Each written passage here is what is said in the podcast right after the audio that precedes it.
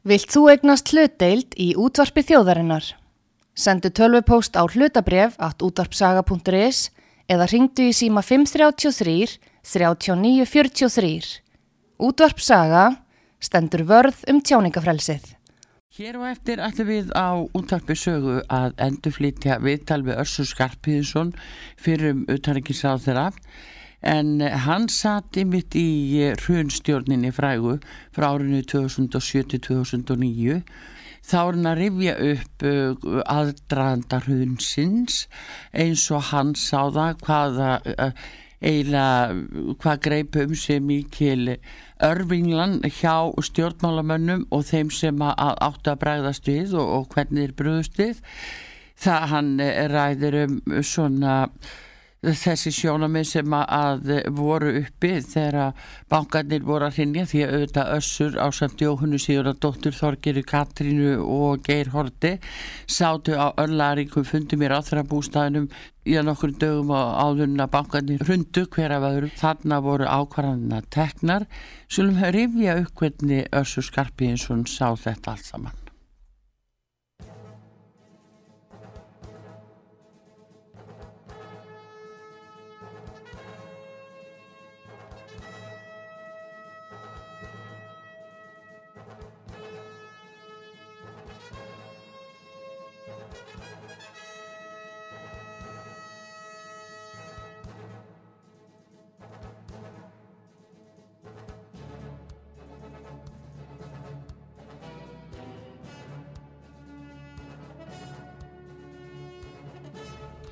Komið í sæli hlustendur þegar að hlusta á út af sögu síðdeis útarpi ég er Artrúðu Kallstóttir helsar ykkur. Uh, það hefur vakið mikla aðtegli þau skrif sem að byrtust í Reykjavíkubriði Morgunblassis núnum helgina. En það er talið að það sé fyrir um sælabankastjóri Davíð Oddsson sem að uh, eigi það hlutamáli og uh, þar er verið að tala um fraktsýmtal á milli Sælabankastjóra og þávarendi fósættisráð þurra árinu 2008 geisa horti. Þessi umræða hefur blossað upp og ný að hver hafi umvel að tekið ákverðin um að veita kaupþingi þetta lán sem að eiginlega engin við kannast við í dag eða hvað. Hingaði komin Össur Skarpíðinsson fyrir um utaríkisráð þurra og núverandi alþingismadur en hann satt í ríkistjórnu Geishorti á árinu 2008. Góðan dag Össur og velkomin á sögu. Já, sæl artrúðum mín og þakka þér kjalla fyrir alltaf gaman að koma hingað. Já, það, ég get ímyndað með það. Heyrðu, en Össur, nú verð ég að fara með þig aftur til ásins 2008 þannig að það er eins gott að þú getur rifjað upp. Ég segi nú ekki annað. Já, þú veist nú að ég er frægur maður fyrir það að ég er langminnur og síðan hef ég líka haldið dagbækur og ég haf vel skrifað bækur um það. Já, þannig það, ég veit allt um þetta. Já, heyrðu, ég verð að segja að þá hefur þessu umræða blossað upp núna eftir Reykjavíkubrifið og uh, menn svona vilja bara fá að vita hvernig þessi ákunum var tekinn og það er jafnvel í kjölfar dómsins yfir kaupþingsmönnunum sem að þessi náttúrulega Uh, ósvaraða spurning uh, fer á milli manna núna.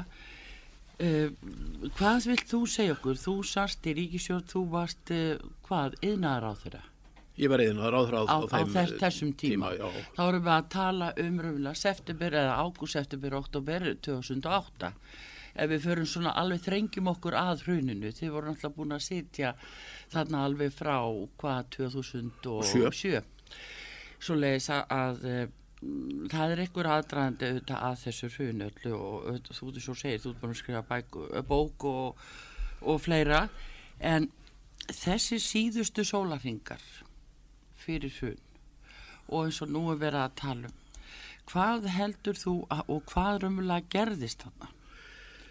Sko, að þér varðar þetta og það sem að Davíð er að skrifa mm. já þá var það svo að ég var í ríkstjóninni og það var mér sér haldinn ríkistjónafundur þennan dag þetta Já, en morgunin, klukkan hálf nýju Já, þetta mm. er mér mjög minnistæði dagur því að ja. mun ég rétt þá er þetta dagur en það sem að við samþektum í ríkistjórnin að leggja fram frumvart til neðalaga Já. sem að síðan voru lögð fram um kvöldið, um kvöldið. og e, þá var þetta alltaf bresta eins og holskefla yfir en bara til að svara þessu og mm. hvað ég veit um hvernig þessi ákvörðum að tekinn þá er því til að svara að á þessum ríkistjórnafundi morgunin, þar var ekki rætt um uh, þetta lán til, til kaupþings nýheldur veðið í FIH-bankunum. Það kom ekki til tals þar.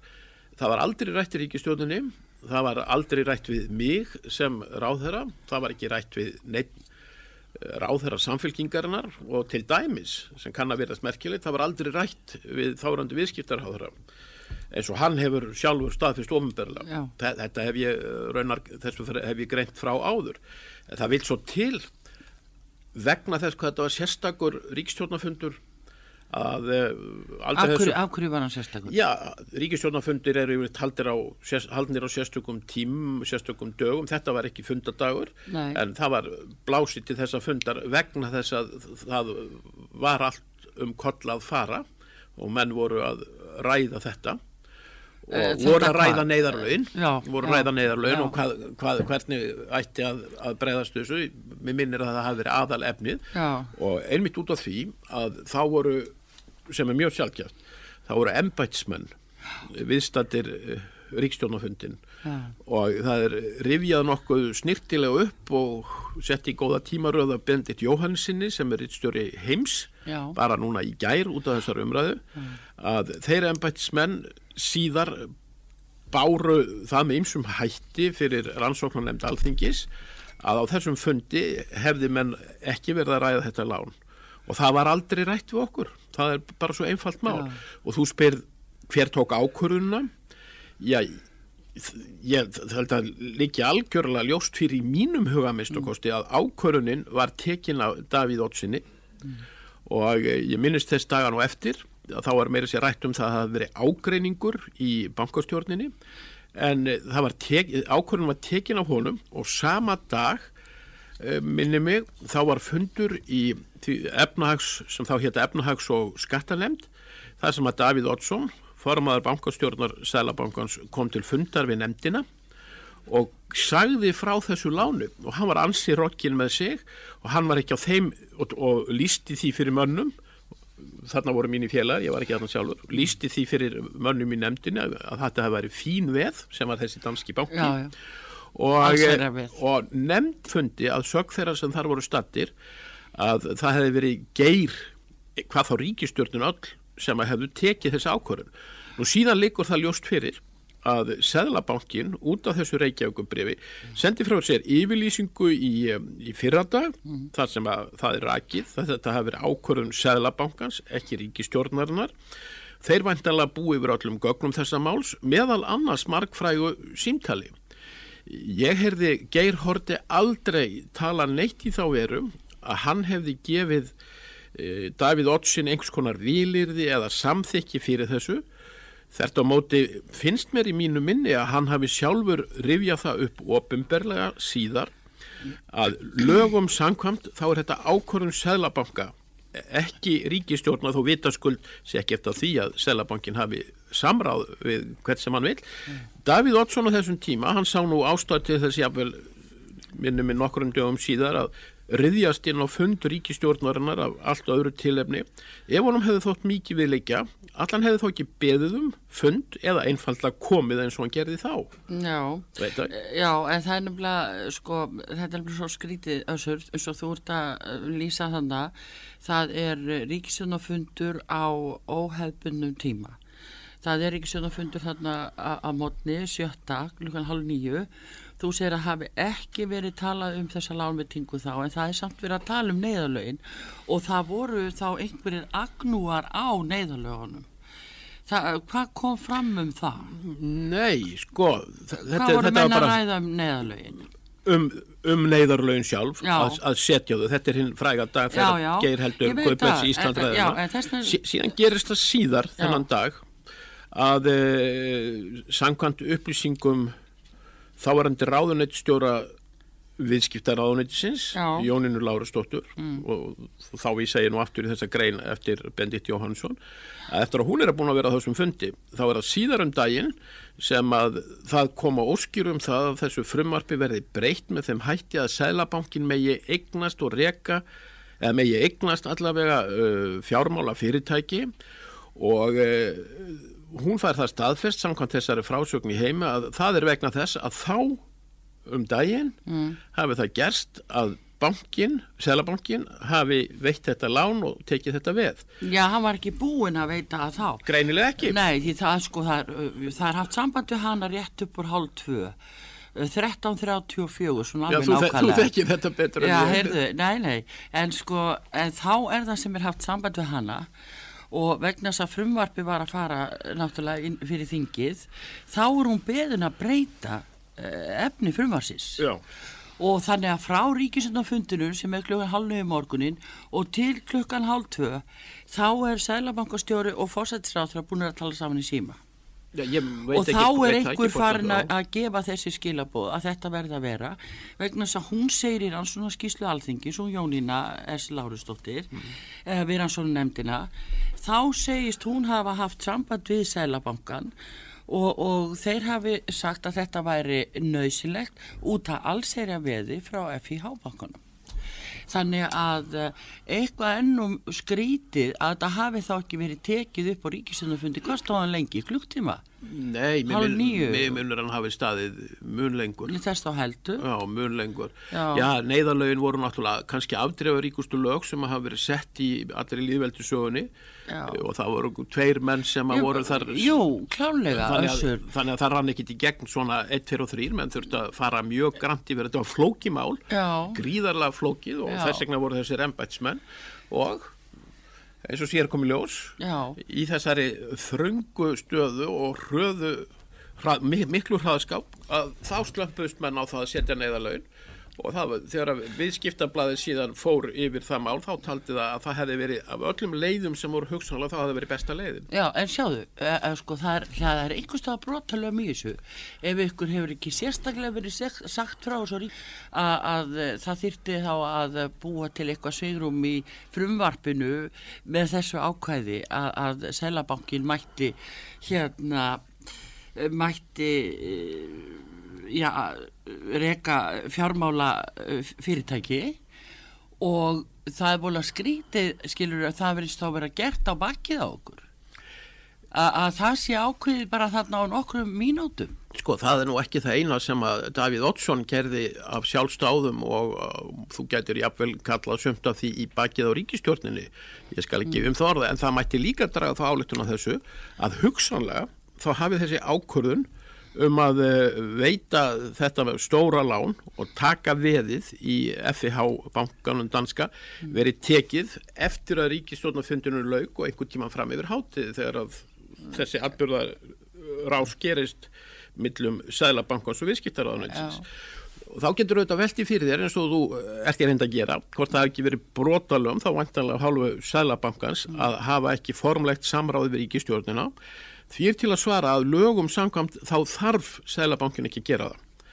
Hann... Nei, vissuleg ekki, en þarna gerir hann það, en bóðinn og skilabóðinn uh, til Jóninu S. Lárusdóttur uh, þáverandi ráðundstjóra, þau komu frá fósættisráðundinu. Þau komu ekki frá Sælabankunum.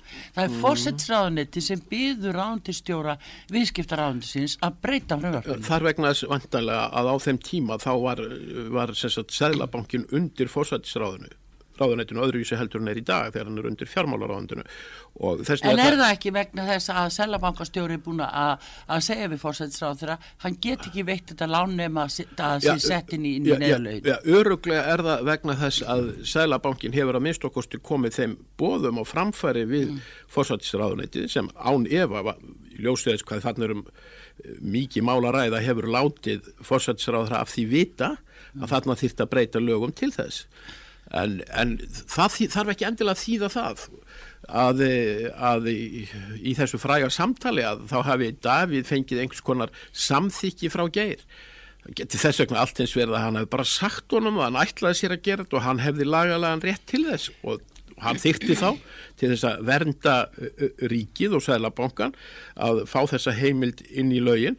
Og svo bara rifja ég það upp að Heiðar Már sem var um, bankastjóri Kaupþings að hann hefur í vetur skrifa grein í frettablaðu þar sem hann greinir frá því að Sælabankin hafa nú ekki einu sinna haft rænu á því að ganga frá papírónum sem veðið varðaði þennan dag. Mm. Með öðrum orðum, tekníst að minnst okkosti var lán upp á 80 miljardar veitt án þess að Íslenski Sælabankin hefði gengið næjanlega frá veðum.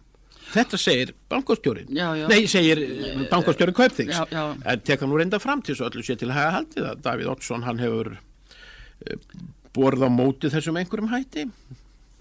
Eða bankin Jú, jú, það er náttúrulega það er náttúrulega ágætt ef að reyðamár hefur ágjör af því sem að, að gerist í selabankunum að menn fara lögum þar. En sko össur það er líka annað sem að tekur eftir í þessu að það kemur fram í rannsóna skýrsla alþingis líka að þessi umræð Jónína S. Lárusdóttir sem er ráðunitistjóri í viðskiptaráðunitinni þar er Björgvin G. Sigursson bankamálar á þeirra og viðskiptaráðra hún lætur hann vita af þessu að hún hefði fengið þessa fyrirskipu frá fórsættisræðanitinu hann hvetur hann til þess að tala við Sælabankan og þessuna talar hún við Sælabankan og segir heyrðu, hvað eru þið að byggja um að við breytum frumvarfi Já, það bendir, bendir til þess að Björgungi Sigursson hafi ekki haft nokkra einustu hugmynd um það að þetta væri í gangi stýður það sem ég sagði mm. á þess að það skipti höfumáli stýður það að það var ekki tala við hann og sjálfur veit ég það var ekki talað um mig og ég veit að var rætt, þetta var ekki rætt á ríkstjónafundunum. Þannig á þessum tíma össur varst þú eiginlega svona höfuð samfylkingarinnar í fjárfuru Ingebjörgar Sólurnar sem var eh, fjárstödd og vegna veikinda? Eh, þá ert þú eiginlega í forsvari og hefðir kannski átt að vera svo maður sem að menn hefði átt að ræða þetta við Já, í öllu falli hefðu menn átt að ræða þetta við viðskiptarháðarann mm. og ég til ekki óeillegt að það hefði líka verið rætt við mig, en það má kannski segja vegna þess að við vorum flokksbræður að það hefði verið nóg að ræða þetta við viðskiptarháðarann og hann hefði síðan látið okkur aðra í sínum ráðherraflokki vita af málinu, mm. en þetta sem þú ert að segja mér núna og mér var ekki alveg kunnut um að bara bendir til þess að hann hafi ekki haft grænan grunum þetta mál fyrir en að ráðunitstjórun segir honum frá þessu. Já, Já því það verið að byggja ráðunitstjórun að breyta, breyta hérna ákvæðum í neðalóðum. Já, beinlinis vegna þessa. Vegna þessa. Já, já, það, það, það bara sýnir það, all right, þá geta menn sagt sem svo að... En það kemur frá gerðist, fórsættis ráðunitunum.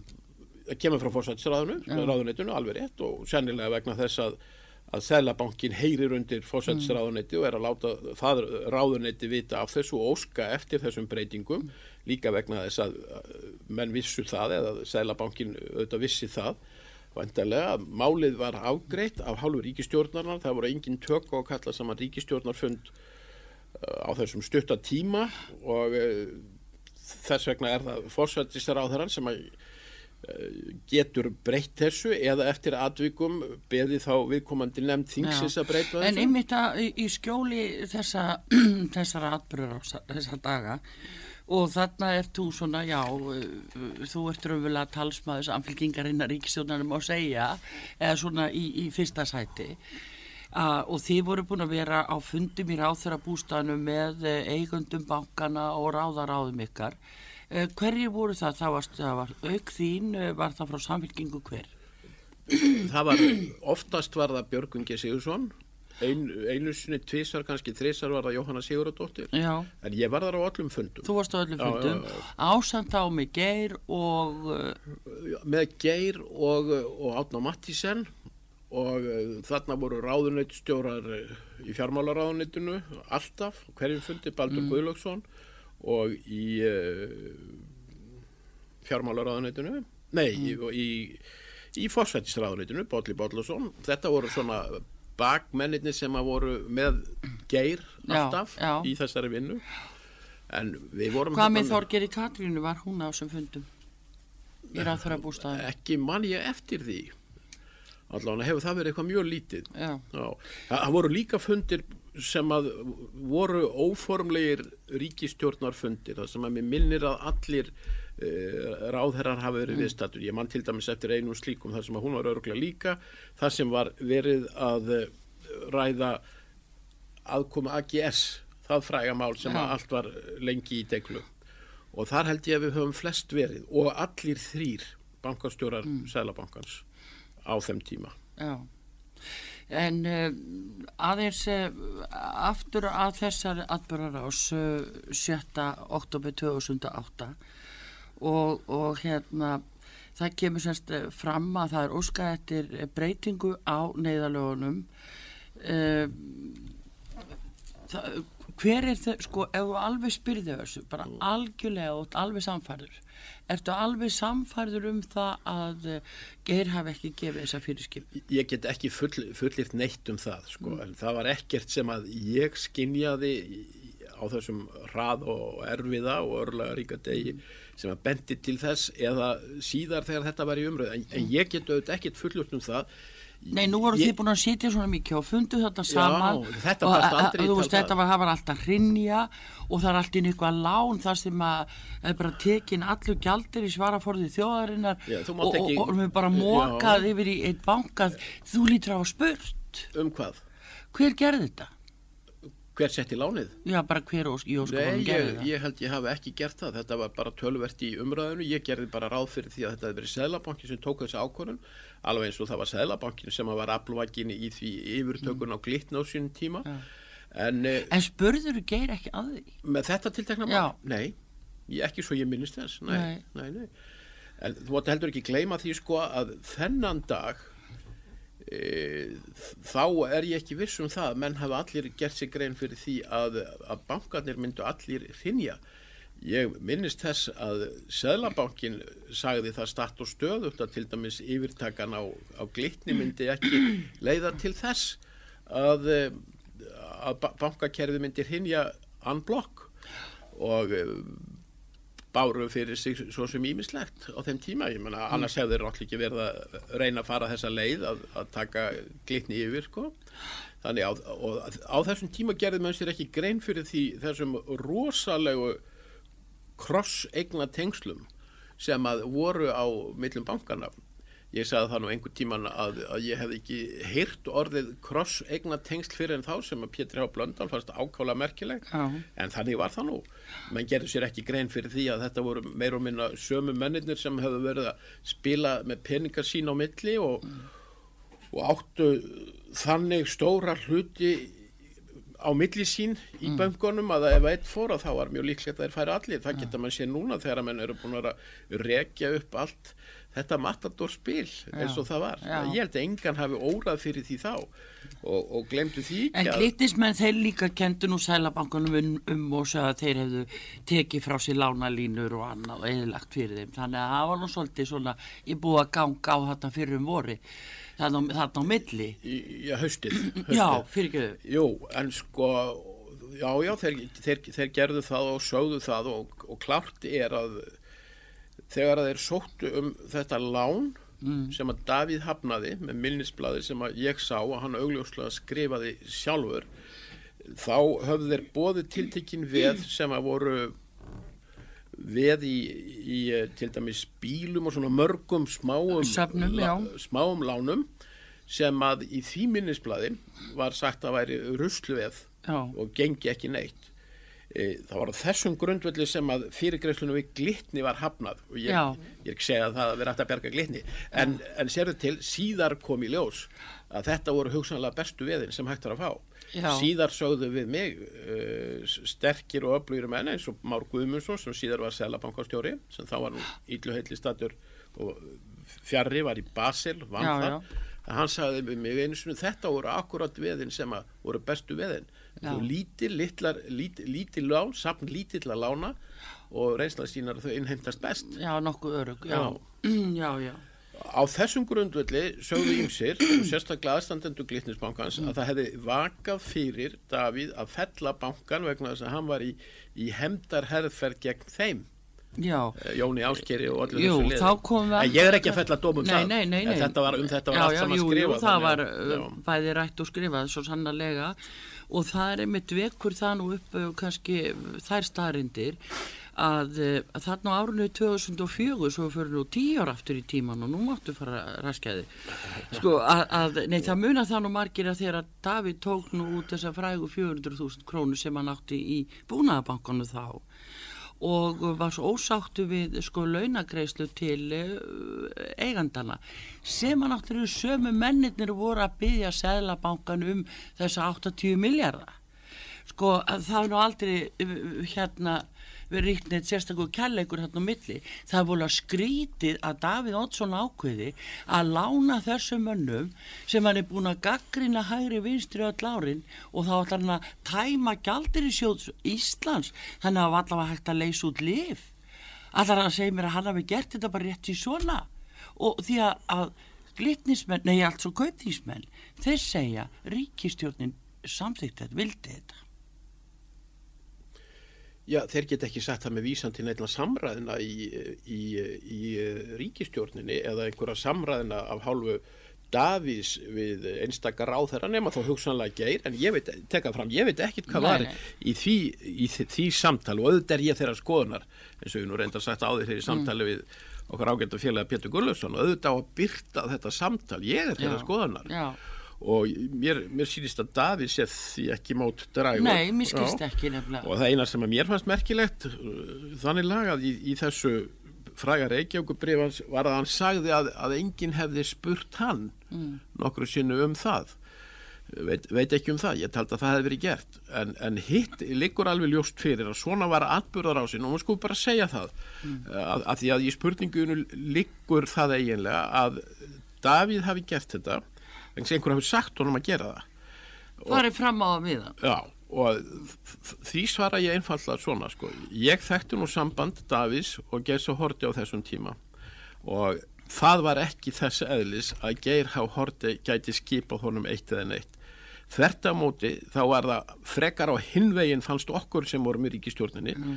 að Geir var undir allt of miklum áhrifum af Davíð Ótsinni og bara til þess að reyna Var það hættu við hann eða svona ég veit ekki hvað var en, en ég minni bara rifja það upp að við töldum sem að vorum í samfélkingunni og ég að það væri ekki hægt að stýra landinu í gegnum þessa kreppu með Davíð í Sælabankonum mm. vegna þess að hann fór sínu fram en svo síðar kom vel í ljóskakvart AGS-lánunu sem að hann móaðis gegn og held því uppi eða tafði fyrir því að því er ég taldi töluverðan tíma.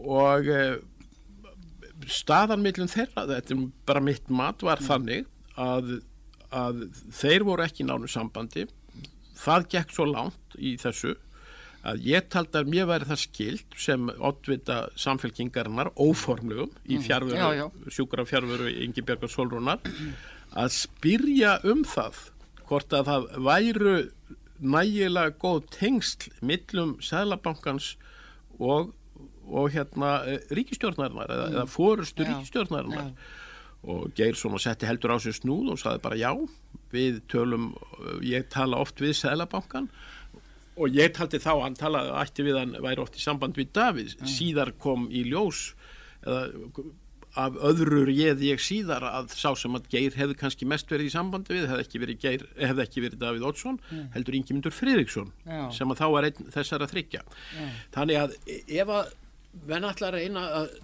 og þá segja þetta, ég veit ekki hvað var í, í, vitt, í samtali þeirra félagana mm. en ég, ég tel að það sé næsta út í lokað að uppbrunni þessa máls og, og ákvörðunin sjálf hafi leið í því að Geir Há Horti hafi skipað Davíð Ottsinni að, að, að gera þetta. Þeirra samband var ekki þannig. Ég tel að að Davíð einfalla tóka þessum tíma ekki við skipunum frá einum eða neinum. Hann fór sínu fram og e, e, þannig að það, það finnst mér ekki rýma við neitt. Það, það er spekulasjón, fimpulfamp, vangavelta hjá mér, það er vel hugsanlegt að Davíð Oddsson hafi ringt í hann og sagt honum hann ætlaði að gera þetta og þá finnst mér líklegt að, að, að Geir Há Horti hafi svarað og að ég veit neitt um það að þá hafa hann svarað því.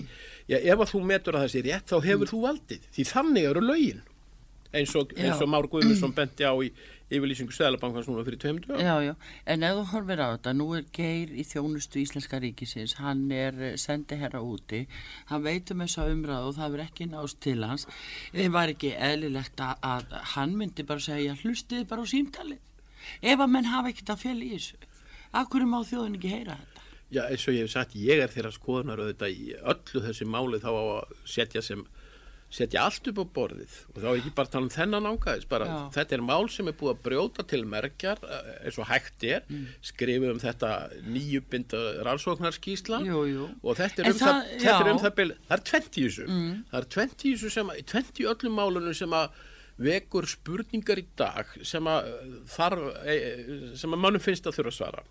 Og það er annars vegar hvað fór fram í þessu símtali? Mm -hmm. og í öðru lagi hvert fóru peningarnir? Og svo það, já, já. já. hvert fóru peningarnir? Þetta voru 80 miljardar uh, ég les bara getgátur um það í blöðunum. Einu var svo hér í einhverjum fjölmil í dag að þeir hefðu það, það er Stefán Ólásson var að verpa því fyrst í dag. Mm. þá þurfti meðal annars að skoða hvort rétt var að það hefði einhver hlut að fara í það að kaupa skuldabrið á stafsmunum bákana ekki grænan grunum það Nei, nei, en það, það er einmitt, en þetta kemur fram í rannsónu skíslu alþingis þó, og þetta er svo ég var að vitni hérna fyrir, að, og það er sætirilega fyrðu að menn hafi ekki miklu, miklu fyrr farið akkurat ofan í þessa atbyrðara. Já, það er nú ekki eins og menn hafi ekki reynda aðtróðu, sko. Þetta mál hefur verið mörgum sunnum rætt í þinginu, verið tekið upp í fjárlæðanemdini sem að krafðist Já. þess að fá þetta, þetta samtal Já. til þess að komast af því hvort mm. að Davíð Oddsson uh, hefði gert þetta já í fyrsta lagi uh, sem að þú ert að segja mm.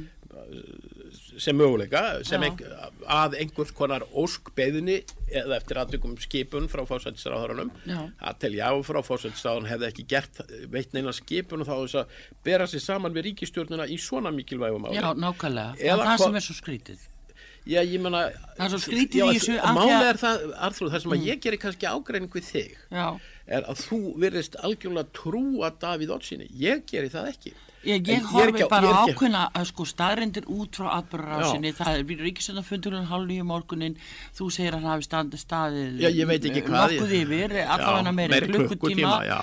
og þannig eru sérfræðingar og því er að tala um neðalögin og síðan aðeins uh, klukkan hálf tvö um daginn þá kemur beðni frá fórsættisraðunitinu sjálfu til ráðundistjórans í viðskiptaráðundinu þar sem að, að henni er bara skipa að breyta ákveðinu hluta í neyðalögunum og setja og gera ráð fyrir því að, að, að Sælabankin megi gera þetta. Þá er það vegna þess að það er eitthvað samtal búið að fara fram sem að likur fyrir að er á milli fórsættisraðundinu og Sælabankin það samtal getur það samtal getur hafa verið þannig mm. að, að Sælabankurstjórun hafi verið búið, búin að kynna uh, fórsætsræðunitinu eða geir það að þetta er því gert Já.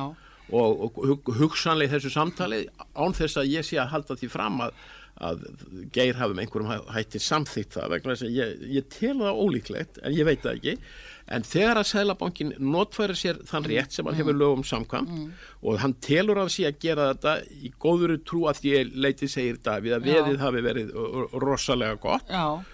sem að er náttúrulega já. já, í þessum mm. banka, ég menna ég veit ekki hvað maður þarf mikla háa greindarvísi tölu til þess að telja það veð í banka í miðju heimsbankarhunu sé gott veð já, já. látum það vera en til þess að hann geti klárað það að fá veðið já. þá þurfi hann þessa lagabreitingu mm.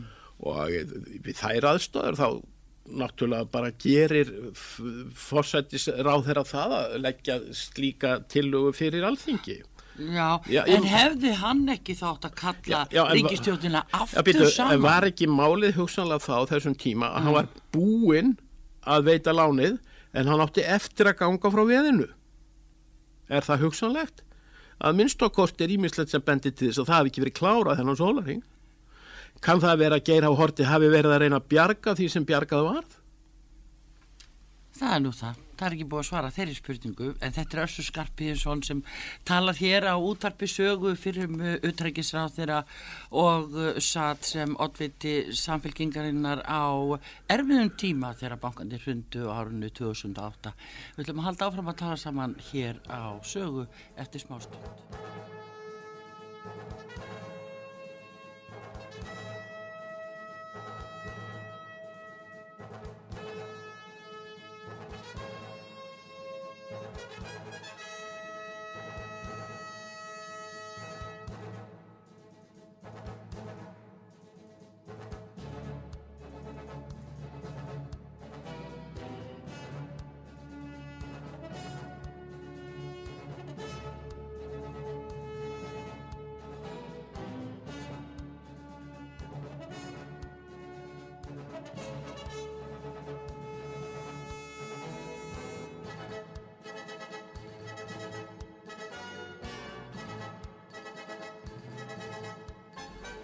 Komið í sæl aftur. Um, gestum við hér á útarpi sögu er Össur Skarpiðinsson fyrir mutarækisráþara og alþingismadur.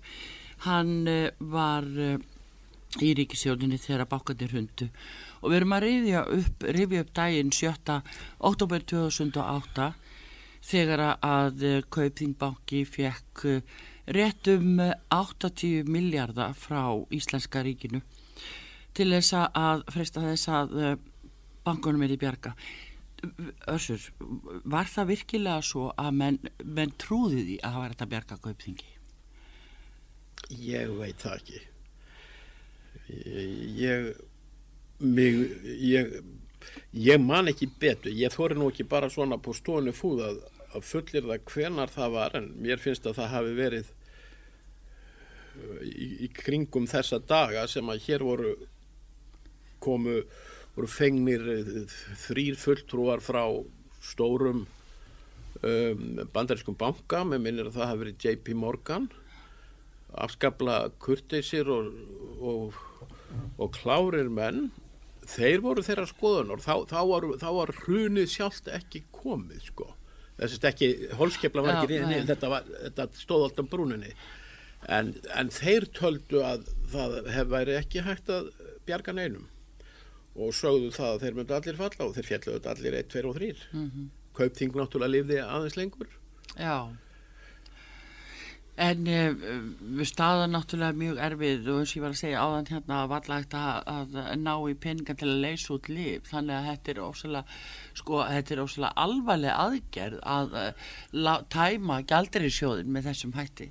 Já, já. Alveg gríðarlega. Stór alvarlega aðgerð og og, og þannig að það, það verður líka að það nú verður að reyna að ná einhverju svona sátt í þjófélagin að fólk geti nú svona kannski aðeins er rétt úr kútnum og verið meira sátt við þessa atbyrður á svo ekki bætir á skák við að sjá að það er að fela gögn í 110 ára eða hvað þetta er skiluru og það má ekki byrta þetta símtal. Þetta er eiginlega þetta, þetta gerir fólki vond Við erum algjörlega sammála því og tel að það veri og hefði verið mjög heppilegt bara fyrir umræðuna mm. og, og heppilegt fyrir alla að, að þetta samtal erði byrt fyrir laung og það var það sem alþingi vildi það var það sem að fjárlega nefnd beinleginis krafðist að erði gert já. á sínum tíma þegar að, með minnir að Björn Valur hafi þá verið formadur hérna. og, og það reyndist ekki hægt og síðast í gær þá var verið að þýka Sæðla bankastjóran Má Guðmundsson um þetta já. í í, í sjónvarpi Já, einmitt og uh, Það var á eiginni Já, ég veit ekki hvað það var Jú, það var á eiginni vera, já. En uh, hann virtist nú ekki vera þessi físandi og eins og ég skildi hann þá leikum álið þannig að lög einhver lög, mm. Uh, sennilega um personu vend mm. uh, gera það verkum að menn get ekki leist slík samtöl nema þeir sem eru aðilar að þeim báðir eða allir Já. að þeir veiti sína heimil og það sem liggur fyrir í þessu mál er það að Já, minnst og kost á helginni veiti Davíð sína heimild og hefur kannski aldrei já, já. Uh, tala með neitt með öðrum hætti heldur en því. En getur þú ekki alþingi bara hérna sett lög að stundum nú sagt að nöysinn brjóti lög? Já, alþingi seti lög um það að, að þetta símtal bara verði byrt? Vafa lítið væri það Það vantar svolítið kjark Vafa lítið væri það hægt. Já, þú þarfst nú bara að skoða samsetningu alþingist núna. Ég heldur þú artrúður mín að mm. núverandi ríkistjórn með sterkan meiri hlut að hún myndi beða sig aftur og bakk til þess að setja sérstök lög um þetta eina tiltekna mál sem varðar nú eina góðar stóð í öðrum flokkana ég er nú ekki viss um það. En það hefur ekki verið reynd Nei, það Nei, það hefur ekki verið reynd Nei, meðal annars held ég vegna þess að menn töldu alltaf að lokum þá er þetta byrt Já, nei, össur, Já. er það ekki menn töldu að lokum að fólk myndi bara hægt að tala um það og menn myndi gleyma þessu? Mm. er það ekki akkurat, það er ekki verið að stjórn og taka ákvarðinu soldið með því hugafari jújú, jú, uh, hérna fólk þvarkar og rýfst svona í einhvern tíma og við erum búin að sjá það menn, menn reyna að þakka bara hlutilega nýður og býða í einhverja dag og já, þetta lítur að loknast út af Já, kannski, en gætu að verið að trúa. Það væri vegna þess að einhvern veginn eftir landstónsmálið allt mm. þegar að búið var að taka gær og, og dæma hann að þá sveiblaðist með mjög merkilegum hætti samú eða, eða skoðun eða almenningsáliti mm. sem aðeins verið geir mjög ansnúið sveiblaðist með honum og einhvern veginn þannig að menn bara vildu láta hann í friði gott dæmum þetta er til dæmis það þegar hann var gerður að sendi herra Já. og um sama tíma á átni Þór Sigursson þingmaður var gefa gerður að sendi herra þá eru þau miklu meiri læti út af því að átni Þór var gerður að sendi herra heldur en geir. Já, já, jú, jú, það má sjálfsagt eh, til sanns að færa það. En eh, var ekki kannski fólk líka eh, fekk það ekki samum í geira af því að hann var einn? Eh, vildi fólk ekki bara sjá að þið öll hefðu verið dæmt? Já, ég var nú ekki einu svona ákjörður í bendir á það, ég, ég var nú bara einna ráðar og já, sérstaklega tekið fram í rannsóknar skýsluna það var ekki datorti mín embætsfæslu og það var nú bara svo því sínum til já, já, en, en svona allavega að þeir sem að voru í, í fórustu sveitinni þarna fyrir þennan tíma að, er það ekki bara það sem að fer fyrir brjósta á fólki að því að við sloppi, samfélkingin slapp frá sem að Ég byrju hvað átt að gera við manni svo mig, ég var yðnaðar á þeirra ég, ég stýrði jú fyrir mín hönd míns flokks í gegnum hrunið en ég var ekki með neinn fjármál fram á því. Og svo má heldur ekki glema því einn megin niðurstaðar ansóknarskíslu alþingis var svo að eftir að kom fram um á mitt ár 2006 þá hefði ekkert verið hægt að gera það bara stendur það skýrum stöfum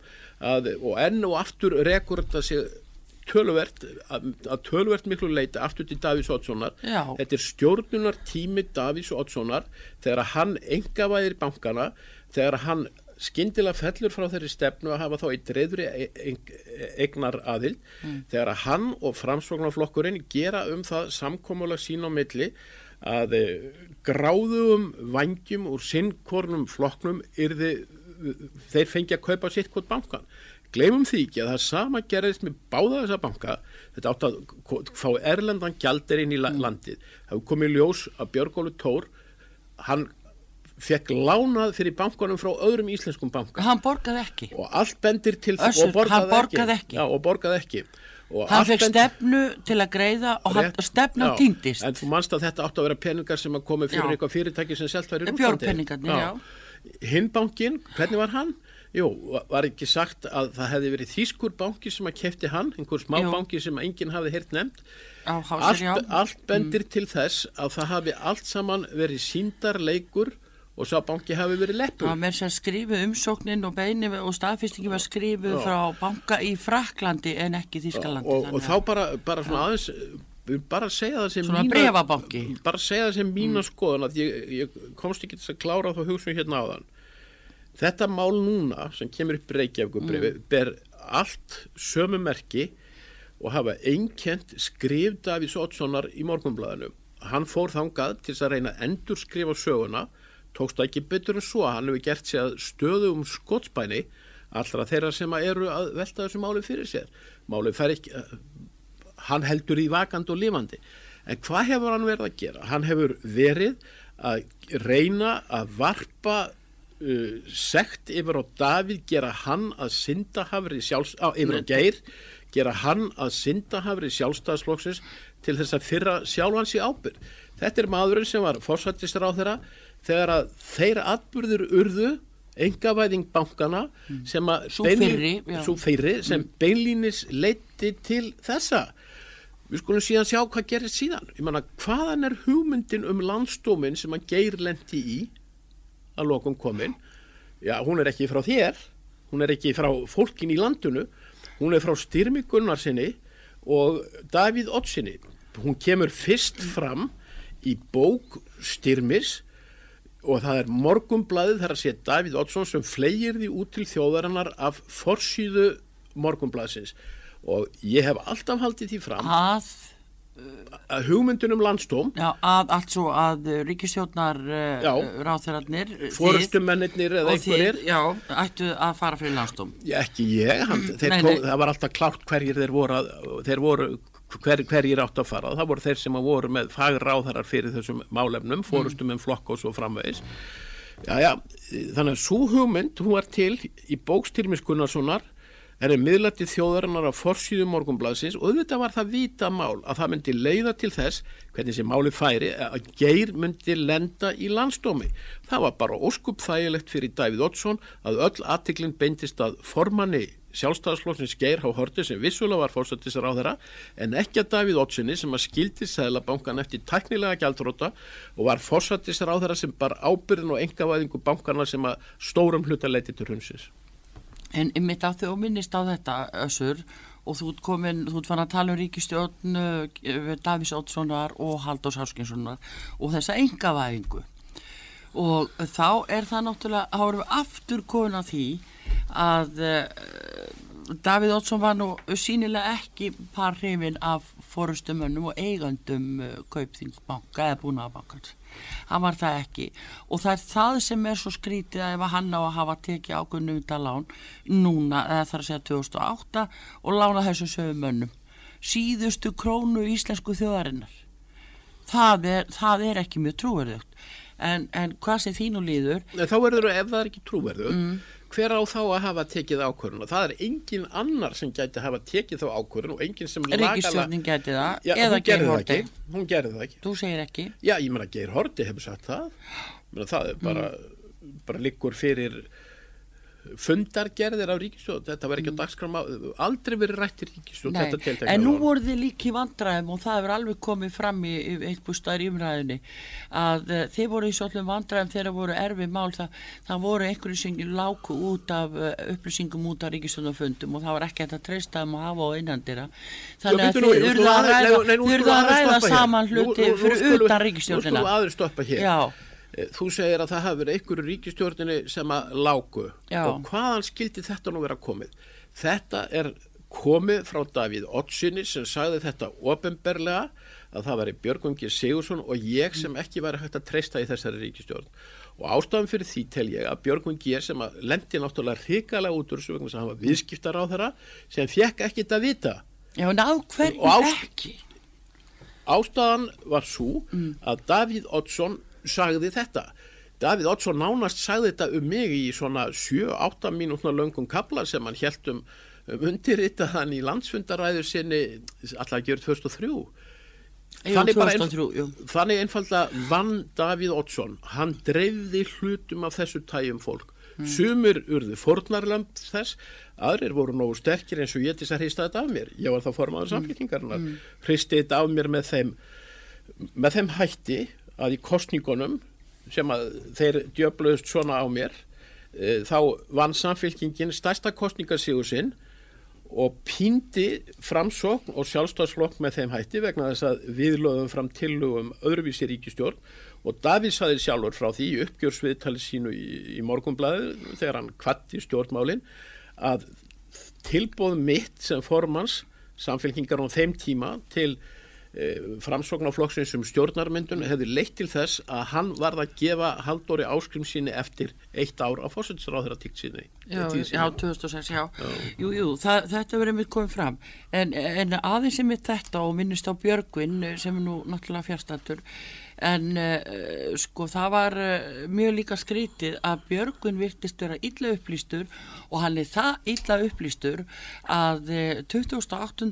ágúst 2008 þá skrifar hann alveg lofræðu um bankana og hvað er hafi staðist velöld próf hjá fjármála eftirlitinu og hann, hann skrifar því líka lofræðu að þeir falla mánuði síðan Hvar var maðurinn út á túnni eða hvernig stóð á þessu? Hvernig er þetta reka ríkistjórn eins og hvert er að fyrirtækja upp á þetta? Hann hefur sennilega verið á nákvæmlega samastað og fjármála eftirlitið og nákvæmlega samastað... Út að aka? Getur kallað hvað þú vilt en ákverju á viðskiptar á þeirra byggja ef ekki fjármála eftirlitinu. Þú meina að fjármála eftirlitið hafi bröðist? Ég er bara að segja það að það voru mjög fáir á þessum tíma sem að töldu að það væri ástæð til að efastum að það væri í lagi. Partur af því var meðal annars úr staðrend að þessir bankamenn eða bankar mm. höfðu ítök eða áttu fjölmila sem að löftu upp allt sem að þeir sögðu og höfðu gert þess að menn að sérstökum ídólum og fyrirmyndum þannig að ungt fólk sem ég veit ákala velum, ja. ungt fólk óskaði sér þess eins að verða eins og þessir ágættu menn. Já, fari í lagskóna og vera með eiga snekkjur og eiga snekkjur og með gel í hárunu Mátti ekki gleyma því að þeim var lift já. með þeim hætti að þeir hefur skapað af fórustumunum í íslensku samfélagi. Já. að þeir hefur skapað nýjan atvinnuveg sem veitir þúsundum manna vinnu og borgaði svo miklu að skatta að það næði til þess að halda uppi öllu mentakerfi þjóðarinnar. Jú, jú, það var allt í skjálatöskunni Þeir voru gerðir að, að gúrúum sjáu til, svona var þetta. Og eh, það er alveg rétt en maður skjótaði samt inn í að þú talar um að, að Björgun hefði átt að fá upplýsingar á fjármála eftirlitinu en þá gerði Björgun líka eitt árunni 2008 og það var hans skiptum stjórnaforman hjá fjármála eftirlitinu fekk sinn mann eh, Jón Sigursson sem forman í februar 2008 og það sem gerist er að Jón Sigursson hann aftur á móti byrjaði að setja fjármála eftir litið í frí í all nokkrar vikur og það var stór förðulegt en hann á sama tíma var að hjálpa uh, landsbankunum við að setja upp æsef í Hollandi. Þannig að Björgun honum virðist vera haldið fyrir utan þetta allt. Já, sko, þú mátt Þetta er alveg svakalega skriti Já, þá ætlum ég að nefna tvenn, sko, þú minnist þess áræðilega mm. að þegar að, að helsti burðarásin í vörn Davís Oddssonar fyrir sjálfans í þessu máli mm. er að hann hafi aðvarað uh, í februar 2008 já. Já.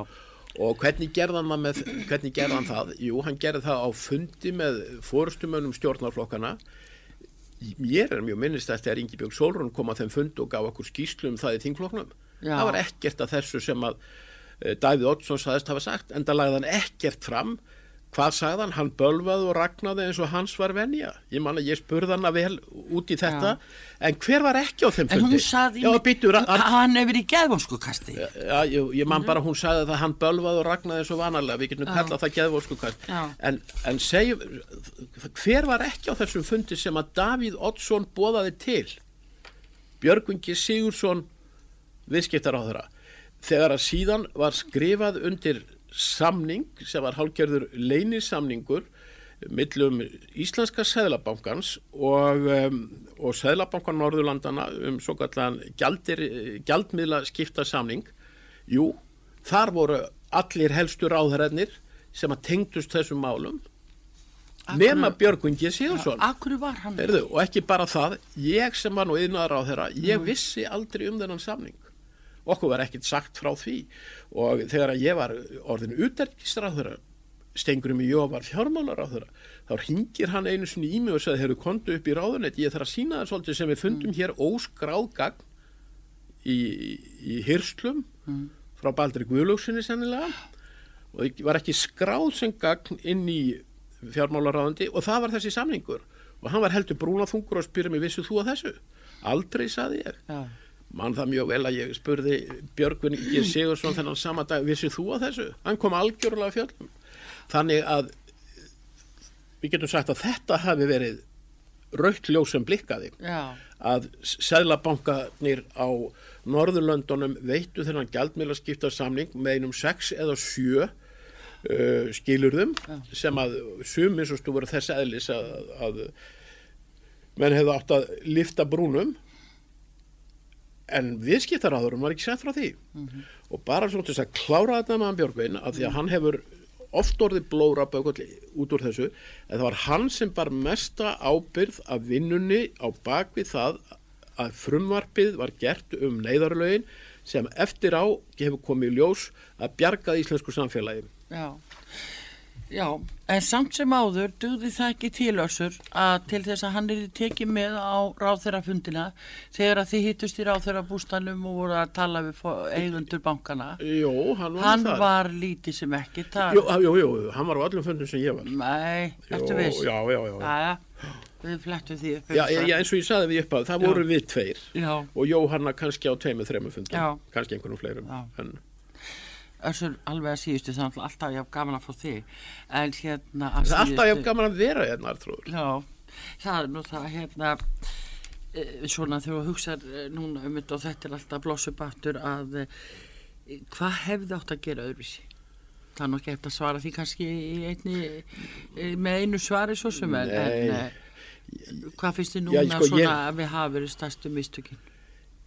Já sko auðvitað ég held að stærstu mistökin hafi eða stór mistök hafi verið náttúrulega fyrir mitt ár 2006 ég held að engavæðing bankana og selja þá í hendur þessar að tvekja pólitísku vangja hafi verið gríðarlega mistök kannski mestu mistökin uh, ég held svo sem líka að það hefði orðið ákveðin sjálfsefjun í íslensku samfélagi árið 2007 þess að allt var hér á uppleið og mm.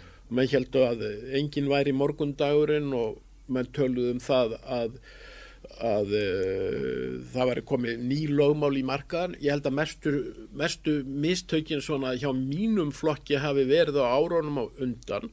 Og ég hef oft sagt þetta og það hefur ekki glatt mitt fólk. Ég tel að til dæmis í mínum flokki þá hafi orðið menn fjallu fyrir bler Já. og það sem að bler í Breitlandi gerði og Gordon Brown var að meir og minna að draga úr reglum og, eh, og höftum á eh, efnagslífið en setja í staðin upp það sem að menn kölluðu umferðarljós hérna hátíla á Íslandum eða landsflokksískinn mín já. sem áttu að sjá um allt færi eftir reglum já. Ég var aldrei þessar á skoðunar og saði í frægu viðtal við mokkana ég var ekki bleristi, ég var eins og frönsku jafnaðamendi sem vildu fastar reglur á efnagslífi, mm. svolítið eins og styrmir var að skrifa um þá en okkar hlutverk hefur alltaf verið í eh, samfélagi Evrópulandana að vera stuðpúðin, að vera þröskuldurinn og þannig funkar að líðræðislegt samfélag. Jú, það er hægri vangurinn sem vil svo mikið frelsi fyrir fjármagnið. Við hinn stimpumst á mót og út úr þessu verður einhvers konar málamölun. Mm. Hérna á Íslandi þegar blereismin var svona in a way komin til áhrifa í íslensku samfélag, íslensku já. regluverki og já, stofnunum já já þá gerðist það náttúrulega eins og þú mannst að hægrivangurinn hann dró meiri sér niður umferðaljósin með því að skerða fjármagnið til þess að stopnarnir gætu starfað eðlilega. Það eftir á higgja þó fáir glitt í þetta þá tel ég að það hvað, hvað þessar eftirlitstopnarnir voru hartkerðar fjárhagslega hafi skipt mjög miklu máli. Já. en það eru alltaf vítur að vera auðvelt að vera, vera, vera vitur eftir á. Já, já.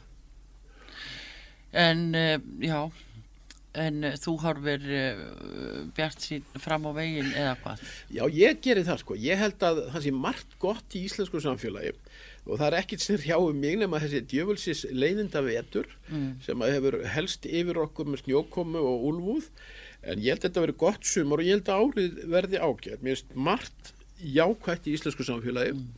og mörnum finnst nú stundum að stjórnaranstan hún sé alltaf svo svart sín ég er það ekki, ég, ég er nokkuð bjart sín fyrir hönd Íslands samfélags. Mér finnst margt vera ágætt og það, það kannski það kannski skikir á það að þessi ríkisjótt sem að auðvitað ætti núna að geta farið með heiminskautum en, mm. en hún er svolítið, hún skapar sín eigin vandamál. E, það er ekki ytri aðstæður sem eru að skapa þar. Margt sem ætti að vera gott, það er gott ári sjóin orkuverð er á niðurleið og, og þvert á það sem að mann heldu að þá, er, þá eru fiskverð aftur að fara upp og það er að seljast vel. Við höfum ágætt að marka þeim atvinnuleysir enn á, á niðurleið. E, það, það sem að vantar í þetta samfélag er svona tvent finnst mér. Það er fyrstulega þarf að keipa húsnæðismálunum í lag. Þau hafa aldrei verið af slæm fyrir ungt fólk, ungar fjölskyldur og svo er það náttúrulega óurlega sorglegt og sláand að sjá það það eru hópar í samfélaginu millistjórnendur, stjórnendur sem eru að geysast fram á allum hinnum í launum.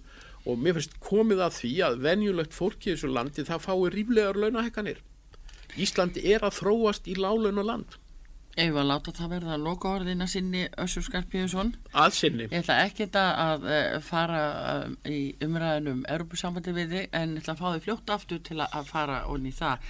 En bestu þakki fyrir komina og rifja þetta upp 7. Eh, oktober 2008 þennan dag og, og þú ert á því að Davíð Ótsson hann hafi tekið þessa ákvörðin um að veita leiðaláni til kaupþings og uh, við býðum bara að sjá hvort við fáum ekki að heyra símtali Jú, og ég er á því að Davíð sé er svona búin að vera síðan 2008 að reyna að klína allir sekt og geir á hórtildist að fría sjálfan sig. Látu það vera lokahorðin Össur Skarpíðis og næltingismadur og fyrir um uttækisáttir að takk fyrir komin að hinga á sögum Mín var án Takk fyrir